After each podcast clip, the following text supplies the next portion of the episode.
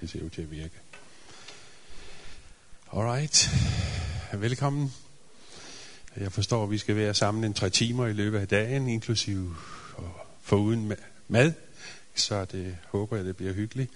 Jeg har tænkt mig at tage det lige så stille og roligt her, og lade det gå fremad skridt for skridt, og, og det er også tilladt at række fingrene op og stille spørgsmål, mens vi er i gang, så det ikke bare bliver en monolog. Så vi kan tage det, som det kommer, ikke? Så det er lidt mere undervisning, end det er prædiken. Jeg har lavet det, noget baggrundsmateriale, som jeg kører ved siden af det, som jeg siger, og jeg håber, det er en hjælp, men det er alt sammen ting under udvikling. Jeg er jo en af de her dinosaurer, der altid benyttede mig af tavle og tus og snak og alt den slags ting, du ved. Men i det sidste års tid er jeg også begyndt at gå lidt digitalt og prøve at få det over på den, for det har jeg opdaget, at øh, det er jeg nok nødt til. Det er godt nok. Det er også et godt medie. Så øh, hvis øh, tingene ikke altid passer sammen, som de skal, og der er for meget på, så er, det, så er det simpelthen, fordi jeg ikke nået det punkt endnu, hvor jeg ligesom har kunnet, skal vi sige, fornemme, hvad skal der op på tavlen, og har ikke haft tid til at lave det. Så her er vi. Temaet det er overrasket af håb. Og øh, bagved det ligger der sådan set et øh, spørgsmål vedrørende øh, døden og livet og døden og dermed også opstandelsen. Og det er ligesom det snævre tema, vi kører på her. Jeg rører andre ting, som vi kører frem, men det er temaet. Så jeg skal passe på ikke at gå ud på en sidevej en gang imellem. Vi skal ikke lade jer forvirre af det. Vi kan begynde med at stille et spørgsmål. Og øh, det er et spørgsmål, som øh, vi simpelthen kunne stille os selv. Er himlen vort hjem? Uh, hvad hedder det? Er det der, vi er på vej hen i den menneskelige rejse? Er det selve målet? Er det essensen af vores håb? At gå til himlen, enten når vi dør eller i opstandelsen? Er det det håb, vi ser fremad til? Jeg ved ikke, hvor du finder dig selv hen i skalaen, men øh, det skal du ikke svare mig på. Er håbet endelig en dag at blive befriet for at være i den her verden, være i det her fysiske hylster, vi kalder lægemet, og en gang blive fri, som vi synger i en af salmerne, når sjælen til himmelvang løfter sig fri, ikke? Det er målet. Eller som, øh, hvad hedder det, Grundtvig, han skrev om det i uh, sin berømte salme, med venner i lys mit tale. Vi er et andet sted. Er det det, der er vores håb, er det der, vi er på vej hen. Lad os prøve at se lidt på, hvad der sådan har været. Hvor går rejsen hen? Hvor til går rejsen? Hvor kommer vi fra? Hvor er vi på vej hen? At, øh, jeg tror, det er nummer 4, den her. Og det spørgsmål er, det går til himlen? Er himlen det, som Bibelen taler om, når den taler om paradiset? Væk fra den her verdens ved og møje, som vi jo synger så mange salmer om. Jo mere jeg har arbejdet med det her emne og kigget i salmebogen, jo mere jeg bliver klar over, at vores salmebog faktisk, og vores salmer, vores gamle kristne salmer, de faktisk taler en masse om den her verden som en jammerdag. Noget, som vi ser fremad til at blive fri for, ikke? Og øh, ofte er håbet spundet op omkring. Håbet om, at Jesus kommer, eller at gå til himlen, når vi engang dør. Så spørgsmålet er, at vi ser fremad til. I kan godt lide at synge den her salme, nogle af jer, Amazing Grace. Og øh, hvad hedder det? Det er en af de her salmer, hvor, hvor hvad hedder det, slutter på den her måde. When we've been there 10,000 years. Oversat, når vi har været der i 10.000 år, ikke? Og dermed mener han, han tænker ikke, som nogen af jer tænker, han tænker på at være i himlen, når vi har været der i 10.000 år så synger vi stadigvæk om Guds nåde og barmhjertighed og så videre. Det sidste tror jeg, vi gør, men spørgsmålet er, om målet det er at gå til himlen. Er det håbet? Se en gang, hvor langt vi er fremme her, når du dør. Hvis den her skitse giver dig en idé om det, de fleste er enige om, at vi kommer herfra, der er en eller anden skabelsesakt. På et eller andet tidspunkt kommer vi til at bo i det hylster, vi kalder vores krop. Det har et start, det har en begyndelse, en eller anden form for begyndelse. Og nogen de håber jo så på at gå, når de kommer til himlen, og vi taler jo også en masse om verdens ende. Og dermed mener vi verdens ende. De fleste taler om verdens ende, når I går ud og lytter til folk. Hvis en journalist spørger dig, I tror på verdens ende, så mener de, at du tror på en dag, så går hele den her verden under. Klut, kaput, finissimo. Ikke mere. Verden forsvinder. Og øh, det eneste håb, det er, at vi på et eller andet tidspunkt kan komme videre. i vores rejse. Eller sker det ved opstandelsen? Jeg ved ikke, om du finder dig selv hen i det der schema, men det er to muligheder, som er, som er kendte i kristendommen ved død eller ved opstandelse. Og øh, er det ofte synkroniseret vores tankegang med verdens Nu skal jeg prøve at køre tilbage igen. Det løber lidt stærkt. Andre har også den tilføjelse, og den møder du også i visse kristnes kredse, selvom den er i tilbagetog. Der er mange, som faktisk ikke længere helt er med på den her. Med den dobbelte udgang. Enten så går vi til den evige himmel, og det bliver opfattet som en himmelsfære, ikke en jordisk dimension, noget semifysisk, en eller anden form for ikke læmelig eksistens. Du tror, det hjælper, hvis jeg kigger derned? Ja, det gør det nok. Tak skal du have. Så har jeg det dobbelt, du ved ikke. Andre, de mener, at øh, nogen går den her vej, og andre mener, at vi går til helvede sfære, som en ikke jordisk dimension, også noget ikke rigtig fysisk. Nogen de lægger også krop på. Der er to forskellige opfattelser. Nogle mener, at sjælen går enten her eller her, og andre mener, at øh, hvis ikke før, så siden hen ved jordens undergang, så får vi alle sammen et lame. Hvad hedder det? Øh, Calvin. Har I hørt om Calvin? Han var en af de her tidlige reformatorer. Han havde den her opfærd. Han blev engang spurgt af en dame. Og det var på de her tidspunkter, hvor man begyndte at læse i Bibelen. Og da man begyndte at læse i Bibelen, så blev man jo også stærkt optaget af, hvad der står i den. Der i reformationen. Så hun kom op og spurgte ham og så sagde, Calvin, hvorfor skal vi have vores lægeme tilbage, når vores sjæl allerede er gået til himmels eller helvede? Hvorfor skal vi så have vores lægeme tilbage? Er det ikke det bedste aldrig nogensinde at få den krop tilbage? Denne stinkende krop, helt bogstaveligt talt, det oplever vi ikke så meget, for vi vasker os hele tiden, men det gjorde det ikke dengang. Jeg mener, øh, bønder de dage, de lugtede nøjagtigt som deres dyr. De kunne ikke selv lugte, men det gjorde de. Og dem, der boede i byerne, de gav navn til de steder, de boede. De lugtede af alt det skidt og det møg, der var derinde, og de kunne ikke selv lugte, de lugtede på samme måde. Sådan var det. Noget svineri. Det var det. Det var snavset, så mange mennesker, de har egentlig tænkt, allerede Sokrates tænkte sådan, hvad med den her stinkende krop? Hvorfor skal vi have den tilbage? Hun spurgte Calvin. Så nu skal jeg sige dig en ting, sagde han så. Det er for, du får din krop igen, så kan du bedre nyde paradisets glæder i himlen og mærke helvedes pensler i helvede. Derfor får du din krop tilbage.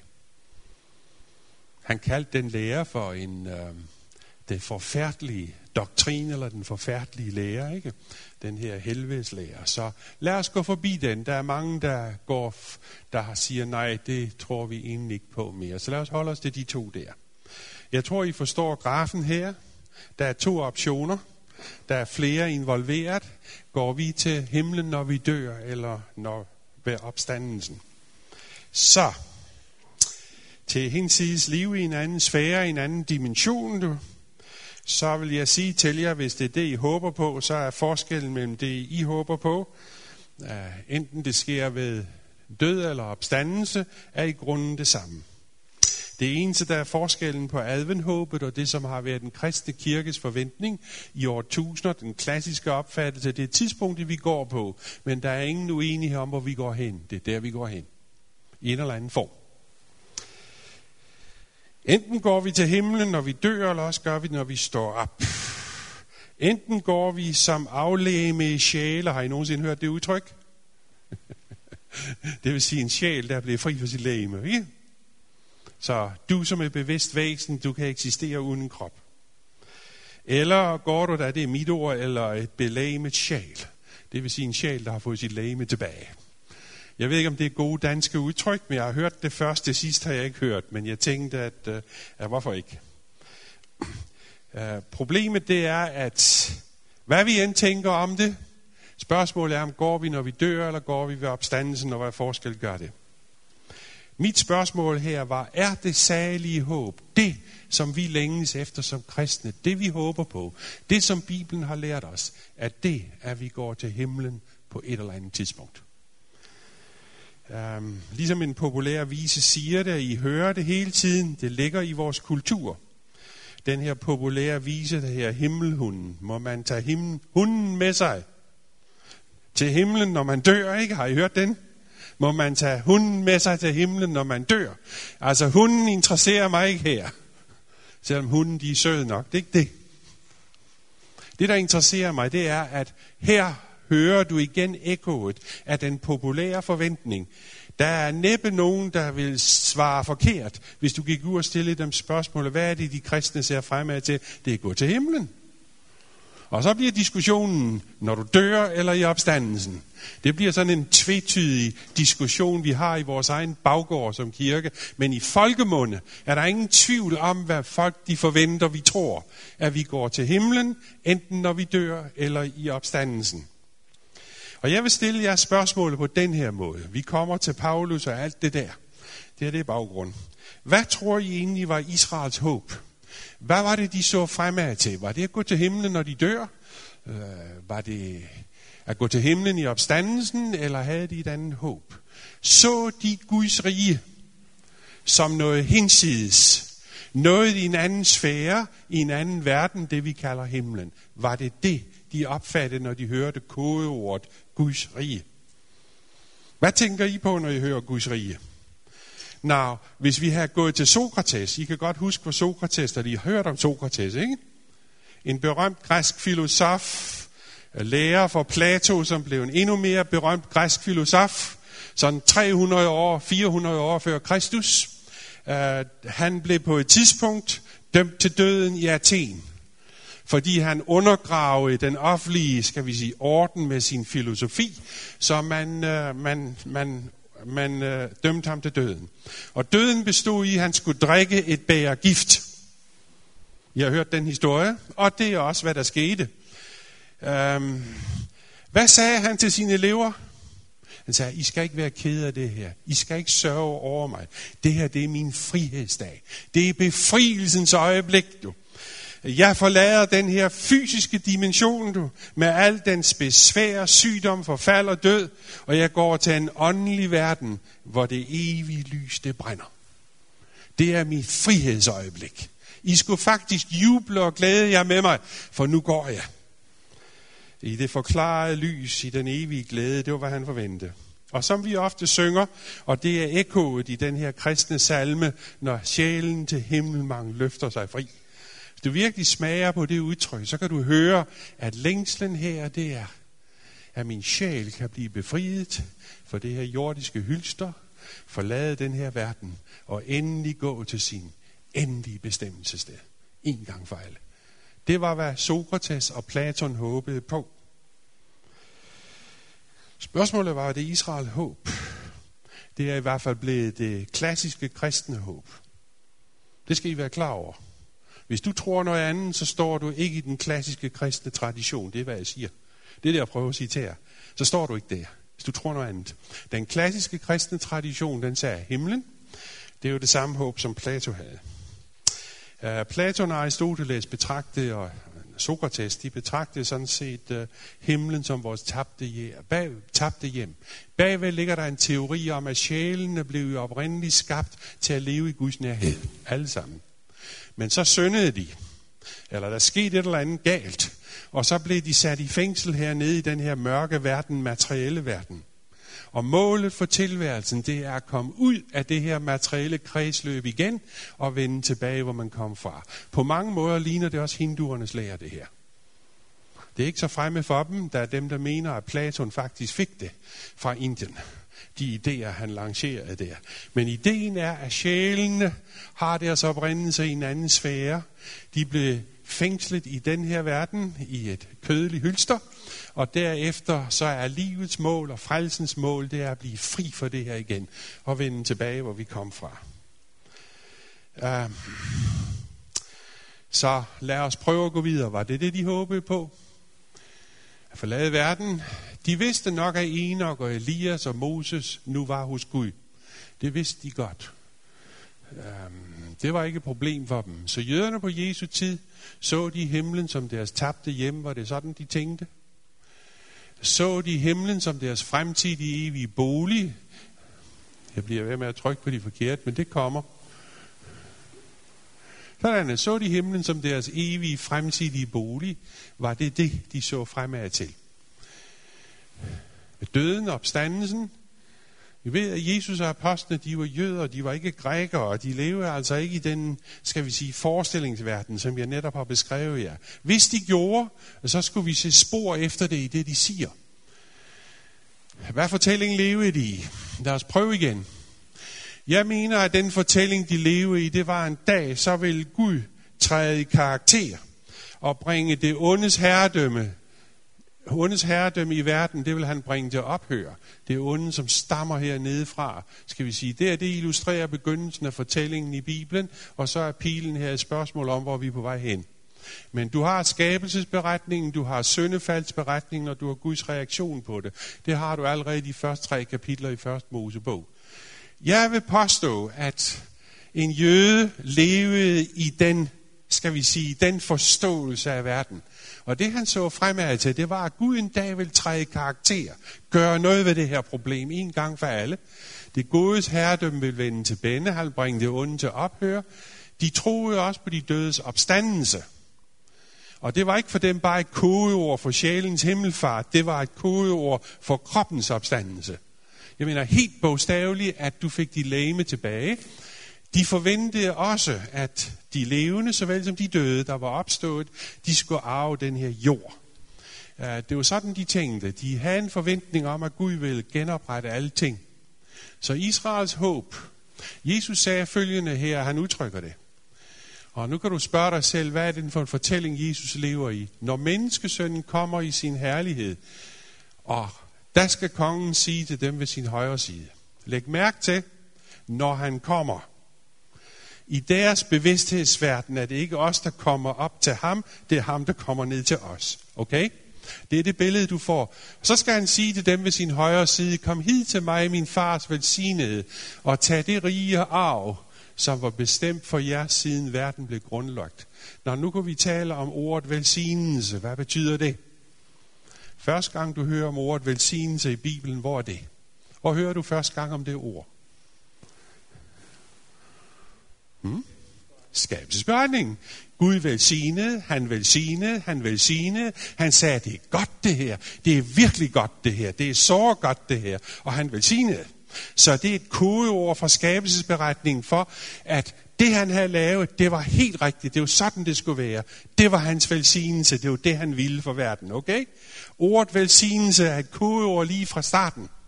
Det dukker op en gang til i forbindelse med Noah, men så hører vi først om det igen ved Abraham. Og hvad er det, Gud siger til Abraham? Jeg tager en lille sidetur her. Hvad er det, han siger til Abraham?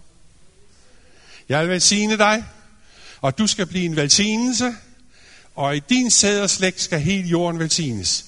Alle skal få gavn af dig. Du skal være til gavn for alle. Det gode, jeg har tænkt mig for verden, det kommer gennem dig, Abraham. Han var ikke i tvivl om, det var et positivt ord. Uh, sagen er, hvis du har været Abraham, bare prøv eksperimentet et øjeblik. Jeg kan ikke lade være her, for jeg synes, det er godt. Øh, så derfor gør jeg det. Hvis du har været Abraham, og leve på Abrahams tid, og nu tager vi fortællingen på pålydende, og siger, hey, skete det her virkelig? Hvad ville Abraham have hørt Gud sige til ham den dag? Hvad ville du have hørt, hvis du havde været der? Det var dig, der har hørt Gud sige, jeg vil velsigne dig. Du skal være en velsignelse, og i dig skal hele jorden velsignes. Og husk på, den eneste del af Bibelen, du har ikke Paulus, du har ikke Jesus, du har ikke nogen af de andre. Esajas er der heller ikke. Så du kan ikke læse de bøger for at få en forklaring. Så hvor går du hen? Du har kun forhistorien. Det, som er beskrevet i de første 11 kapitler i første Mosebog. Det er det eneste, du har. Det kan muligt, at han har mere end det, men har ikke en historie, der går længere end dertil. Så hvis du har levet i den bevidsthed, og Abraham er blevet fremstillet som en af dem, der troede Guds løfter. Han var søn af den, som var søn af den, som var søn af den, som hørte Guds løfter, som troede Guds løfter. Han var en af dem. Som Gud talte til Noah, som Gud talte til, til, til Adam. De havde alle sammen, han, han, han har, den eneste historie, han har kendt til, er den. Og det eneste sted, han har hørt det udtryk før, Gud velsignede, det er i skabelsen. Det er hans beskrivelse af, hvad Gud har efterladt som skabelse, som den her verden. Det er det, han har liggende i sit baghoved. Så når Gud kommer og siger til Abraham, jeg vil velsigne dig. Du skal blive en velsignelse, og hele jorden skal blive velsignet gennem dig. Hvad tror du så, han har hørt? Hvis du er været Abraham, hvad vil du have hørt? Du har hørt et løfte om, at alt det, som nu var tabt, den tabte velsignelse, det vil komme tilbage til dig. Det skal du blive et redskab for. Og den velsignelse, som jeg har tænkt for verden, skal komme gennem din sæd og din slægt og din familie. Det er han hører. Han kan ikke høre det andet. Nu kan du selvfølgelig stille spørgsmålstegn og sige, hør nu her, jamen jeg tror ikke en døjt på historien om Abraham. Det er bare nogle myter og savn andre senere end at skrive, selvom det er jo tilfældet. De mennesker, der skrev Bibelens fortælling sammen, de var geniale så. For det er den måde, de forventer dig at læse den på. At det er virkelighed, og at det er normen for at forstå, hvad det er, der bliver sagt. Så Abraham kan ikke undgå at have hørt, den tabte velsignelse fra paradiset, den vil en dag komme tilbage til mig og min familie. Jeg skal blive et redskab for Guds velsignelse i verden, og den tabte velsignelse vil komme til hele verden. Alle mennesker i den her verden vil få gavn af det. Det er, hvad han har hørt. Lad os prøve det igen. Stille et helt andet spørgsmål og se, om min læsning er rigtig. Tag det rige arv, som blev bestemt for jer, siden verden blev grundlagt. Stil dig selv et spørgsmål, da Jesus taler. Taler til jøder. De sidder med det gamle testament i deres hænder. Det er den bibel, de kender. Og alle de rabbinerne, de kunne den uden af. Så de vidste godt, hvad det var for en fortælling, han lever i. Når Jesus han siger her, det rige arv blev bestemt for jer, siden verden blev grundlagt, hvad tænker Paulus? Hvad tænker Jesus så på? Hvad tror jeg, han tænker på? Hvad tror jeg, han tænker på? Jeg var det for rige, der var bestemt for, at verdens grund blev lagt? Ifølge fortællingen. Der er kun én ting, det er paradiset. Og det Jesus siger til dem her, det er på den dag i fremtiden, hvor den end ligger hen, der vil den velsignelse, og jeg har lige udlagt velsignelsen som værende en reference til paradiset, kvalificeret, så vil han sige til jer, det er der, vi er på vej hen. Det er faktisk, hvad Jesus siger. Vi er ikke på vej mod himlen, vi er på vej mod paradis genoprettet. Det er, hvad Jesus siger. Vel, det er en anden fortælling end den, der blev den normale kristne fortælling. Det er det, jeg vil sige til jer her. Riget beredt for verdens grundvold blev lagt. Vi kommer herfra, og nu gør jeg det en gang til. Men det går nok.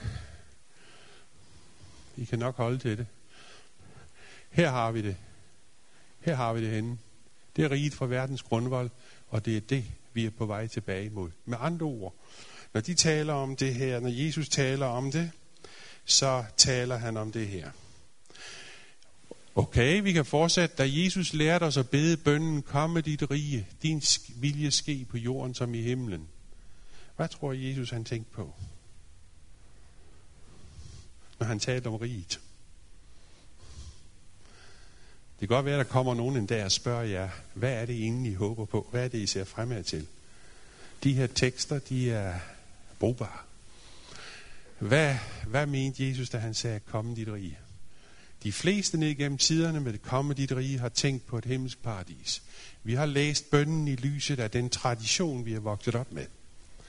Hvad tror jeg, han mener, han siger, at de ske din vilje på jorden, som i, på, på jorden som i himlen? Det er en god paralleltætning. Guds rige og Guds vilje ske på jorden, det skulle være det samme ifølge teksten øh, når Guds vilje sker på jorden, hvad er så kommet til jorden? Hvis du spørger Jesus, sker Guds vilje på jorden nu, så vil han svare nej. Læs evangelierne, læs profeterne. Der er en ting, de er enige om, at det her er ikke et sted, hvor Guds vilje sker. Det er det modsatte, der sker her, end det Gud ville. Så det han egentlig siger til os, den dag Guds vilje sker på jorden, så er Guds rige kommet til verden. Og hvad var det så Gud ville med den her verden? Det er så det næste spørgsmål. Jesus sagde, når menneskesønnen kommer i sin herlighed, der skal kongen sige til dem, kom min fars velsigne og tag det rige arv. Nu taler han om det igen, som er bestemt for jer, siden verdens grundvold blev lagt. Så når Jesus beder os om bedebønnen, komme dit rige, så beder han om at bede, så beder han om, så beder han os om at bede om noget ganske bestemt. Ikke bare en eller anden diffus opfattelse af, så går vi til himmel. Halleluja. Han beder os om, at det rige, der engang var, og som var bestemt i den her verden fra skabelsens morgen, det må komme tilbage. Det er det, vi skal bede om. Så kan man spørge sig selv, hvorfor, hvorfor vil han det? Det rige, der var for verdens, han tænker i skabelsens perspektiv. Han tænker i syndefaldets perspektiv, gør Jesus. Han ved godt, at vi ikke der, det er ikke der, vi er nu. Han tænker i løftets perspektiv, nemlig velsignelsen, at en dag så vil han tale om velsignelsen, de de tre perspektiver, han tænker i. Så har vi det igen. Det er en god ting at stands ved et øjeblik og sige, hvad var det, Jesus tænkte på? Jeg er overbevist om, når jeg læser teksten, at det, Jesus har i baghovedet, det er paradiset genoprettet. At det skal ende, som det begyndte. At øh, den her jammerdal, den skal bort, og den skal erstattes af det, Gud oprindeligt har tænkt sig. Og han vil, at vi skal bede om det. Det er det, jeg hører ham sige her. Um,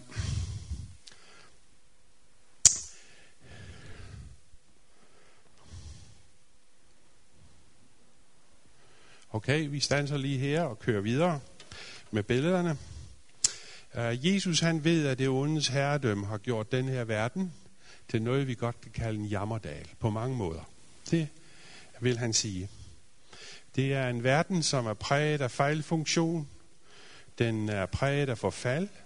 Vi oplever sygdom, vi oplever død, og vi oplever pine, og vi oplever gråd i den her verden. Og uret. Og alt slags menneskelig umenneskelighed mod mennesker. Det er ikke her, Guds vilje råder. Det er en andens vilje, der råder her. Det var ikke det, Gud ville. Og jeg vil gerne lægge vægten her, fordi at øh, vi hører ofte folk argumentere for, hvis Gud er en god og kærlig Gud, hvorfor har han så skabt verden, som den er? Skabt en sådan verden, ikke? Og der må jeg øjeblikkeligt sige, at ifølge den bibelske fortælling, så har Gud ikke skabt den verden, som vi nu er i. Han har ikke skabt verden, som den nu er. Det er det, jeg vil sige. Det var ikke hans tanke og hans hensigt, at det skulle blive sådan et sted. Han har helt andre ting i tanke. Så lad os lige gøre det. Det, jeg tror, Jesus han gerne vil, det er, når vi beder den bøn, han vil, at vi skal tænke på, at den nuværende verden er ikke som Gud vil, den skal være. Den sker ikke på jorden Guds vilje.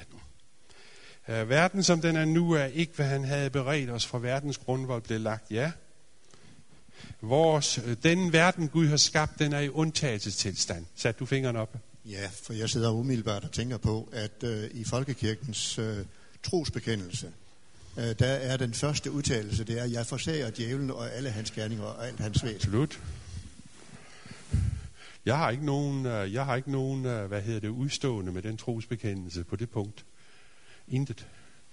Altså, der siges det også meget tydeligt, at verden, som den nu er ikke hvad Gud har tænkt sig den. Ifølge fortællingen.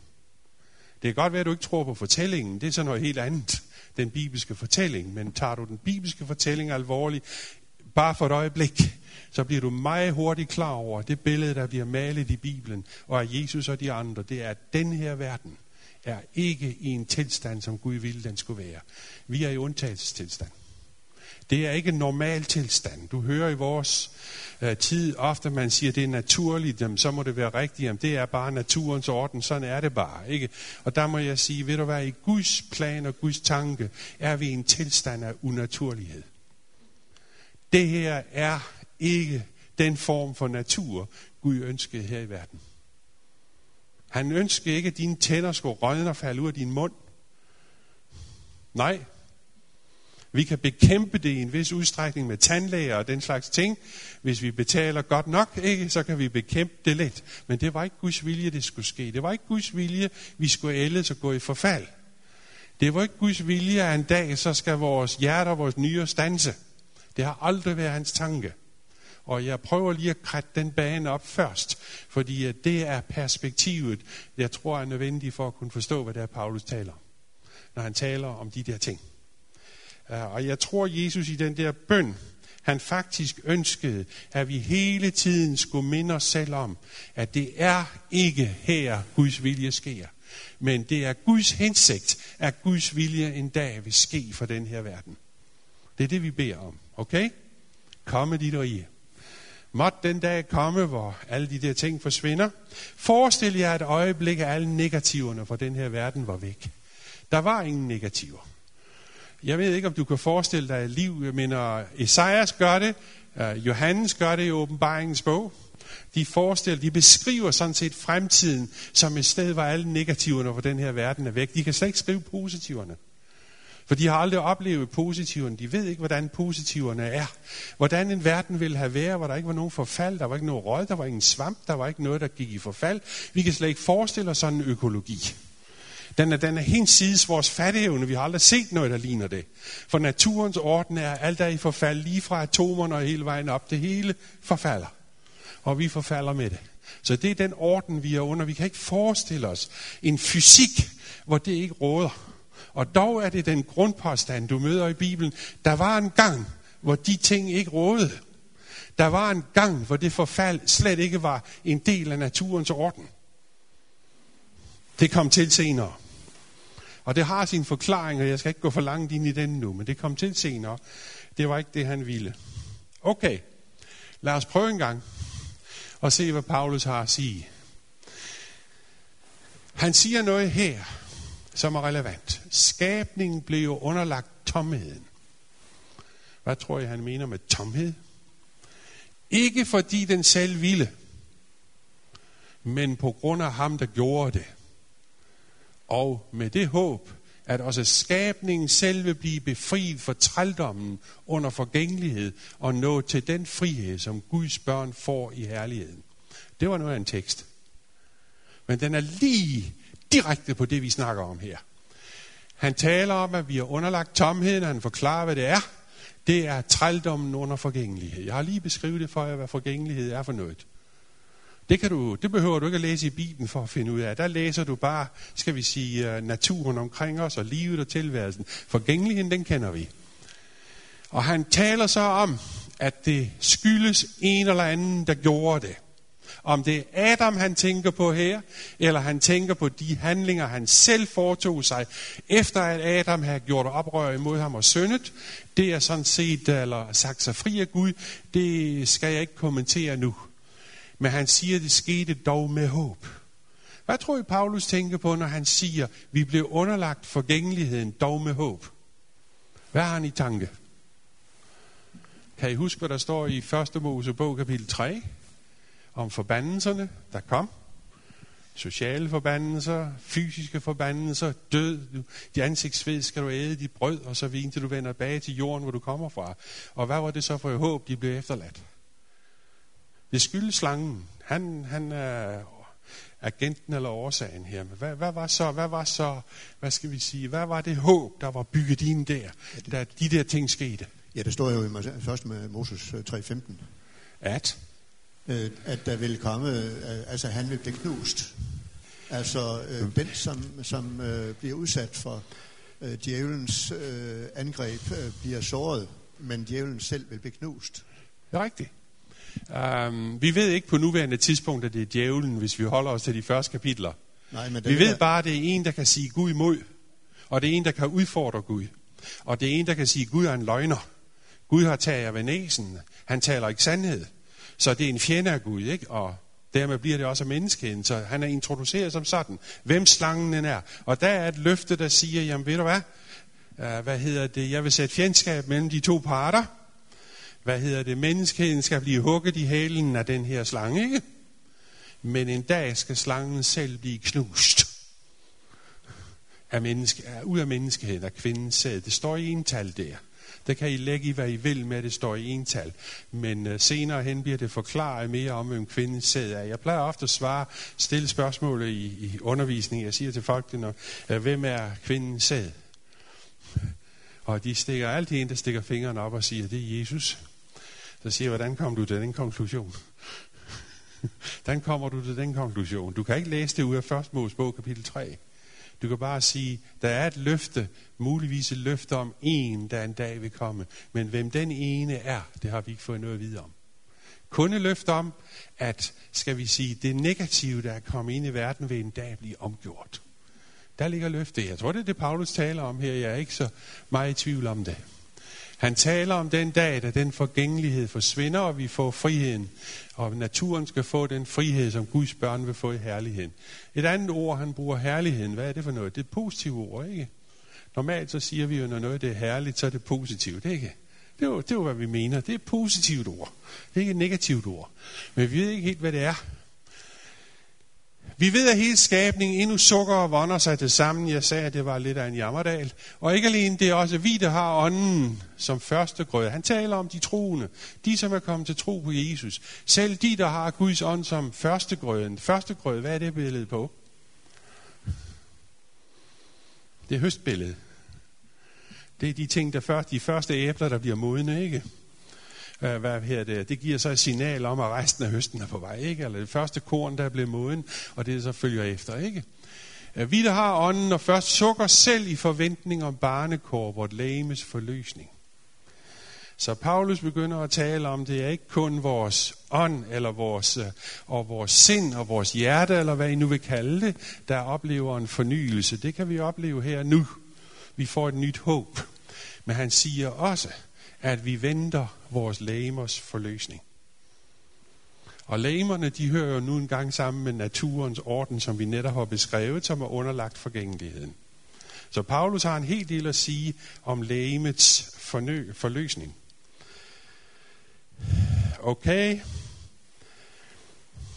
Alright. Lad os prøve at gå videre. Så målet indtil nu synes at være at genoprette Guds rige på jorden eller paradiset. Og jeg stiller spørgsmålet, er det vores hjem? Er det der rejsen går hen? Um,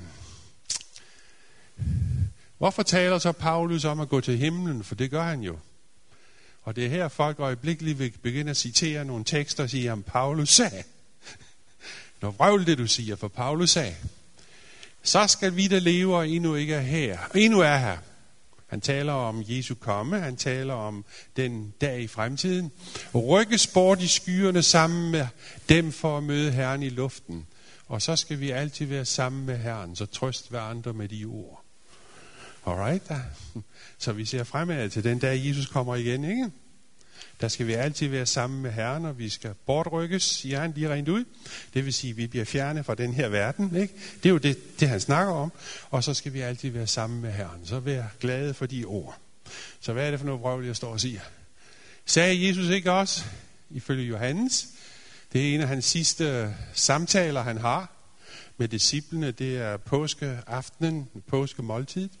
Og der siger han, når jeg går, jeg, og når jeg går bort og har gjort en plads redde for jer, så, så kommer jeg igen og tager jer til mig, for at også I skal være, hvor jeg er.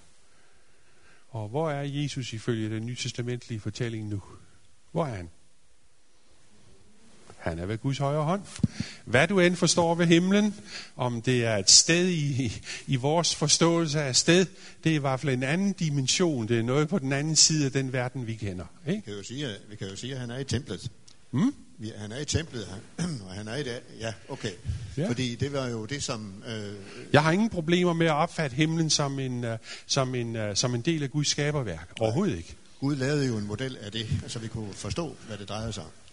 Vel, du kom med et argument om, at den himmelske helligdom, er den virkelighed, hvor er det jordiske, var et skyggeræser i billede, en lignelse og sådan noget. Ja, det er sådan Hebræerbrevet taler. Men der er ingen tvivl om, at Jesus her taler om at tage os væk herfra og tage os et andet sted hen. Er det ikke rigtigt? Ja, det er meget svært at læse den der tekst anderledes. Hvis jeg havde været tilhører og hørt på det der, også på det tidspunkt, hvor Jesus han sagde det, så kunne jeg ikke have opfattet det på nogen andre måde. Thomas stiller oven i spørgsmålet, Herre, hvor går du hen? og Jesus svarer igen, du ved ikke, hvor jeg går hen. Så lang tid har jeg været med dig, ikke? Du ved, og så videre. Så øhm, de, de har også lidt svært ved at kapere, hvad det var, Jesus sagde. Men han sagde det der. Og det vil jeg bare gøre opmærksom på. Og John Newton, han synger jo i den sang, som vi synger så tit, you know, When we've been there 10,000 years. Det er en god salme, jeg kan godt lide den. Fordi at temaet i salmen, det er, hvad Gud gør for at bringe os til målet. Ikke?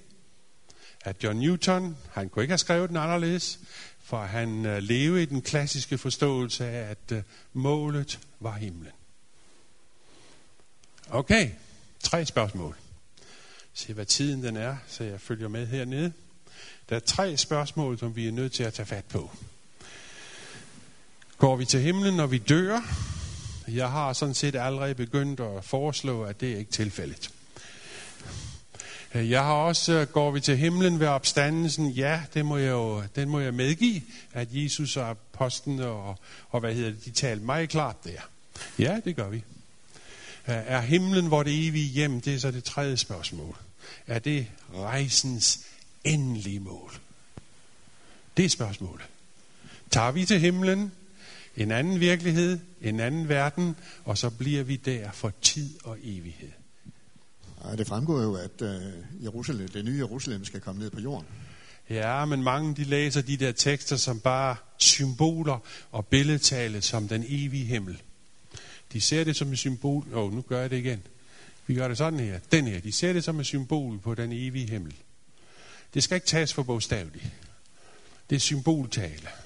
Så når vi taler på den der måde, så taler vi i virkeligheden om en eksistens hensides den her verden. Ja. Fysisk eller ikke fysisk. Lidt afhængig af, hvilken gren af kristendommen du hører til. Eller semifysisk, men, men uh, normalt så er det det, man tænker på. Okay? Så det er de tre spørgsmål, vi er nødt til at kigge lidt på. Alright, lad mig lige prøve at løbe igennem en tekst her, inden vi holder en pause. Det er rækkefølgen i Herrens dags begivenheder ifølge Korintherbrevet, og det er Korintherbrevet kapitel 15, jeg analyserer resten af dagen her. For ligesom alle dør i Adam, hvad tænker Paulus på, når han siger, at alle dør i Adam?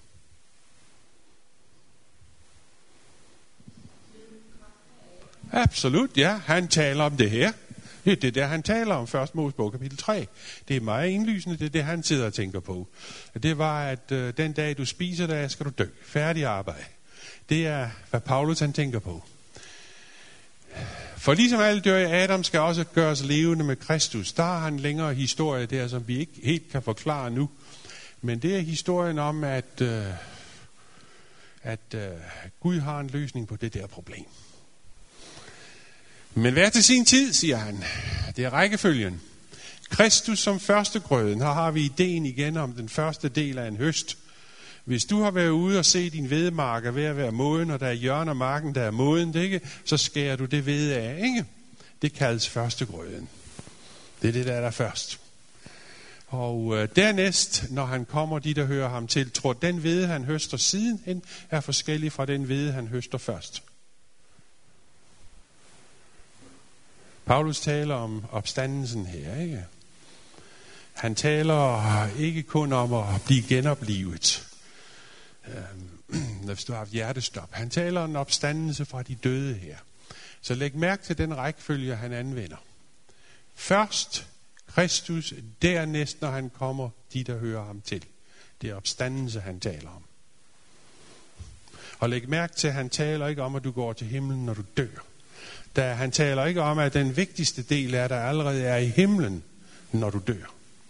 Han taler om, at levendegørelsen, det er noget, der finder sted. Først med Kristus, dernæst, når han kommer, alle dem, som hører ham til. Er I med på den? Jeg tror, det er ret klart, hvad det er, Paulus siger. Han er ikke så svær. Han tænker i det der perspektiv, der hedder skabelse, syndefald, genopfald genoprettelse. Det er den verden, han tænker i. Så går han videre, så siger han, derefter kommer enden, afslutningen på et eller andet. Og nu skal vi finde ud af, hvad afslutningen, som han taler om. Er det den fysiske jords endeligt, eller er det noget andet, han taler om? Når han har tilindegjort al magt, myndighed og kraft og overgive til Gud Fader. Hvad tror I, Paulus han taler om, når han taler om at overgive riget eller magt og myndighed, der skal ødelægges? Hvad tror jeg, han tænker på? Det tror du? Ja, det tror du. Vel, ordene finder du også i Daniels bog om verdensdommen. Det er de samme ting, alle magt og myndighed under himlen blev givet til, til, til hvad hedder det, øh, blev frataget dem, og så videre, så videre, så videre, så videre. Så øh, siger, enden kommer først efter, at han har til gjort magt og myndighed og kraft at overgive riget til Gud Fader. For Kristus skal være konge indtil Gud får lagt alle fjender under hans fødder, så får du forklaring på det. Du har ret. Nu forklarer han det. De der magter, han taler om, det er fjendtlige magter, som den sidste fjende til gør døden. Okay? Og så spørger du dig selv, hvor kom den der død fra, ikke? Jeg har lige det hele siddende herovre, ikke? Først Kristus ved hans egen opstandelse, derefter ved hans komme, alle de, der hører ham til. Dernæst så har han en opgave at ødelægge alle de onde magter og myndigheder og kræfter, hvoraf døden er den sidste. Ikke? Det er dem, som står her, som han taler om.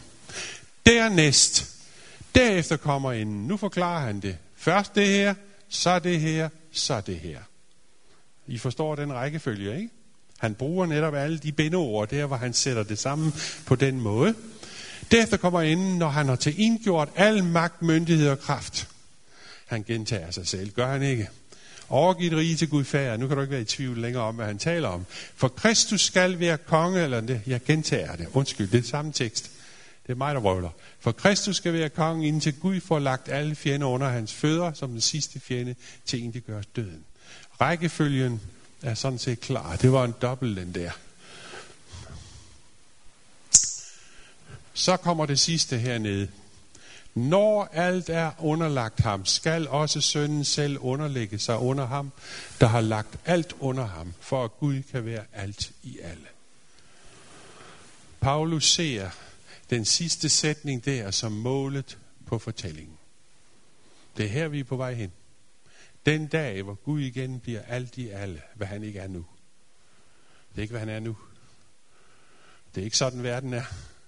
Det er ikke det, der præger os. Hvad hedder det? Vi er ikke i, øh, vi svinger ikke sammen med Gud i hans kærlighedsbud. Det gør vi ikke. Vi har en anden dagsorden som mennesker. Der er vi endnu ikke. Men målet for fortællingen, det er, at Gud igen skal blive alt i alle. Og jeg vil, at I skal bemærke det der. Han siger, døden er den sidste fjende, der går. Og Paulus vil udmærke, har allerede fortalt dig, hvor den kommer fra. Den kommer herhen fra. Ja. Man kommer til at tænke på Johannes Døber, som øh, talte hårdt til folket. Og sagde, omvend jer. Ja. Altså, han øh, kunne jo også meget hurtigt øh, fremlægge for, for folket derude i ørkenen, øh, at der var en væsentlig forskel mellem sådan, som de var, og sådan, som de skulle være. Det er et andet tekst, som fortæller os, Guds vilje sker ikke på jorden. Guds vilje skete ikke engang i Israel. Uh, Johannes Døberen siger det lige rent ud, at da Jesus senere hen begynder at tage sin prædiken op, så siger han, omvend jer lade døbe, ikke? Guds rige komme nær. Han siger, hvad angår Guds riges komme, så kræver det en eller anden forandring. Der er en eller anden form for forandring i jeres måde at respondere på at være mennesker på, som er et fortegn for, at Guds rige kan komme. Det er det, han siger. Og øh, Paulus har i tanke her en dag, hvor, hvor Gud igen bliver alt i alle. Det er det, han ser fremad til. Hvor der ikke længere er nogen af disse ondskabens magter og myndigheder, hvor døden ikke længere råder, hvor alle negativerne er borte, og hvor der kun er positiver tilbage i den her verden. Det er det, Paulus ser fremad til. Det er sådan, han tænker. Og så kan du selvfølgelig spørge, hvad hedder det, øh, øh, den samme rækkefølge, den finder du, den finder du også i Johannes i åbenbaringsbog. Jeg kan gøre det kun et, det her det er ikke et studium, det er bare lige minde jer om det, at øh, Johannes siger noget lignende, når det angår Herrens dag, den fremtidige begivenhed. Uh, der har du en begivenhed, hvor englen greb dragen, den gamle slange, som hedder djævlen og satan, og bandt ham. Og jeg så troner, og nogle tog sæde på dem, og der blev givet dem domsmagt, så de kunne og kom til live og blev konger med Kristus i tusind år. Det er den første opstandelse. Og derefter, når det er forbi, så hører du en tekst, der siger, døden og dødsriget blev styrtet i ildsøen. Det er den anden død. Der er ingen tvivl om, at Johannes, han også ser en parallel mellem, mellem hvad hedder det, øh, det Paulus han sagde her, øh, hvor han talte om magter og myndigheder og kraft og dødens tilintetgør. Ja, Johannes siger noget lignende her. Døden forsvinder først, når den gamle djævel eller slangen eller satan er borte. Først der forsvinder han. Kan I huske, hvad Jesus sagde en gang, han havde en diskussion med sin samtidige, og de, øh, de sagde til ham, de kunne diskutere om, hvem han var og hvem de var, ikke? Og Jesus ender med at sige, de sagde, vi har Gud til vores far, og vi er ikke blevet født i utugt. Dermed antydede de, at Jesus han var sådan en uægte, ikke? Og et eller andet mystisk omkring hans komme ind i den her verden, så øh, han var ikke ligesom det skulle være. Så siger Jesus til dem, I har satan til fader. Det er stærke ord. Og I elsker at gøre jeres faders gerninger. Han var en løgner og en morder fra begyndelsen. Og han står ikke i sandheden. Nej, når han taler løgn, taler han som sit eget. Han er løgnens og løgnens fader. Jesus tænker i fortællingen hernede, ikke? Han kalder ham en morder. Hvordan kunne øh, slangens aktiviteter i paradiset blive betragtet som en morsag? Hvordan bare han sagde med det? Hvordan myrde djævlen i begyndelsen? Eller er Jesus bare i gang med at sige et eller andet her, som... Er han i gang med at sige et eller andet, som, øh, som ikke giver nogen mening? Vel, uh, lad mig lige give en kommentar, og så holder vi en pause. Um, Jeg vil give dig en illustration først, og den er simpelthen meget enkelt. Hvis du vågner op på et sygehus en dag og er blevet indlagt efter en eller anden ulykke, og du vil viklet op i alle former for slanger og ting og sager og ting, som holder dig i live. Vi kalder det life support system, eller livsopholdelsessystem, eller hvad du vil kalde det. Du er fuldstændig afhængig af det. Og alle, der går pusler omkring det, de fortæller dig, ved du hvad, du skal holde fingrene fra det her. Du vil hele tiden trække de her ledninger ud. Du skal holde fingrene fra det her. Det er dit livs, det er dit life support, ikke? Du er fuldstændig afhængig af det her. Og så kommer der en pæn klædt herre ind eller dame, du ved, som mig, meget charmerende, og siger, hvad verden laver du her? Hvem har bundet dig op i alt det her? Ligner en autoritativ person, du ved, med myndigheder, som taler om, at de har forstand på en læge, ikke? Og siger, ved du hvad, hvad ligger du derefter? Tag og hive alle de der ting ud. De har bare bundet dig op her. Du kan nemlig ikke huske, hvorfor du ligger der. Du, har ikke, du kan ikke huske, hvorfor du ligger der. Og så smiler vedkommende til dig, og er meget, meget behjælpelig, og, og, og hvad hedder det, beleven, og alt det her charmerende, du ved. Og så går vedkommende og siger, ha' det godt, ikke? Tænk på, hvad jeg har sagt. Og så tænker du, ved du hvad, det kunne da godt være, ikke? Og så hiver du ledningerne ud. Du. Du kan afbryde dit livs support system, dit life support system, men du har ikke liv til at stikke det tilbage i. Da djævlen fortalte dem en løgn om, at de ikke var afhængige af Gud, og de ikke behøvede Gud, de havde livet i sig selv, de var selv guder, der begik han en mor. Det fuldkommende mor. Der var ikke nogen forensiske beviser. Medmindre nogen har optaget det her og, og være vidne til, hvad der har foregået derinde. Jesus, jeg mener, var bangeren her. Døden kom via slangen. Og døden kom, fordi han overbeviste mennesker, eller væsener, som er afhængige af Gud for deres liv, og som har Gud som deres life support system. Hvis ikke vi er under berøring af Guds livgivende ånd, så lever vi ikke. Og hvis du overbeviser sådan nogle personer om, at de behøver ikke den der livgivende berøring, du, og de handler på det, så dør de.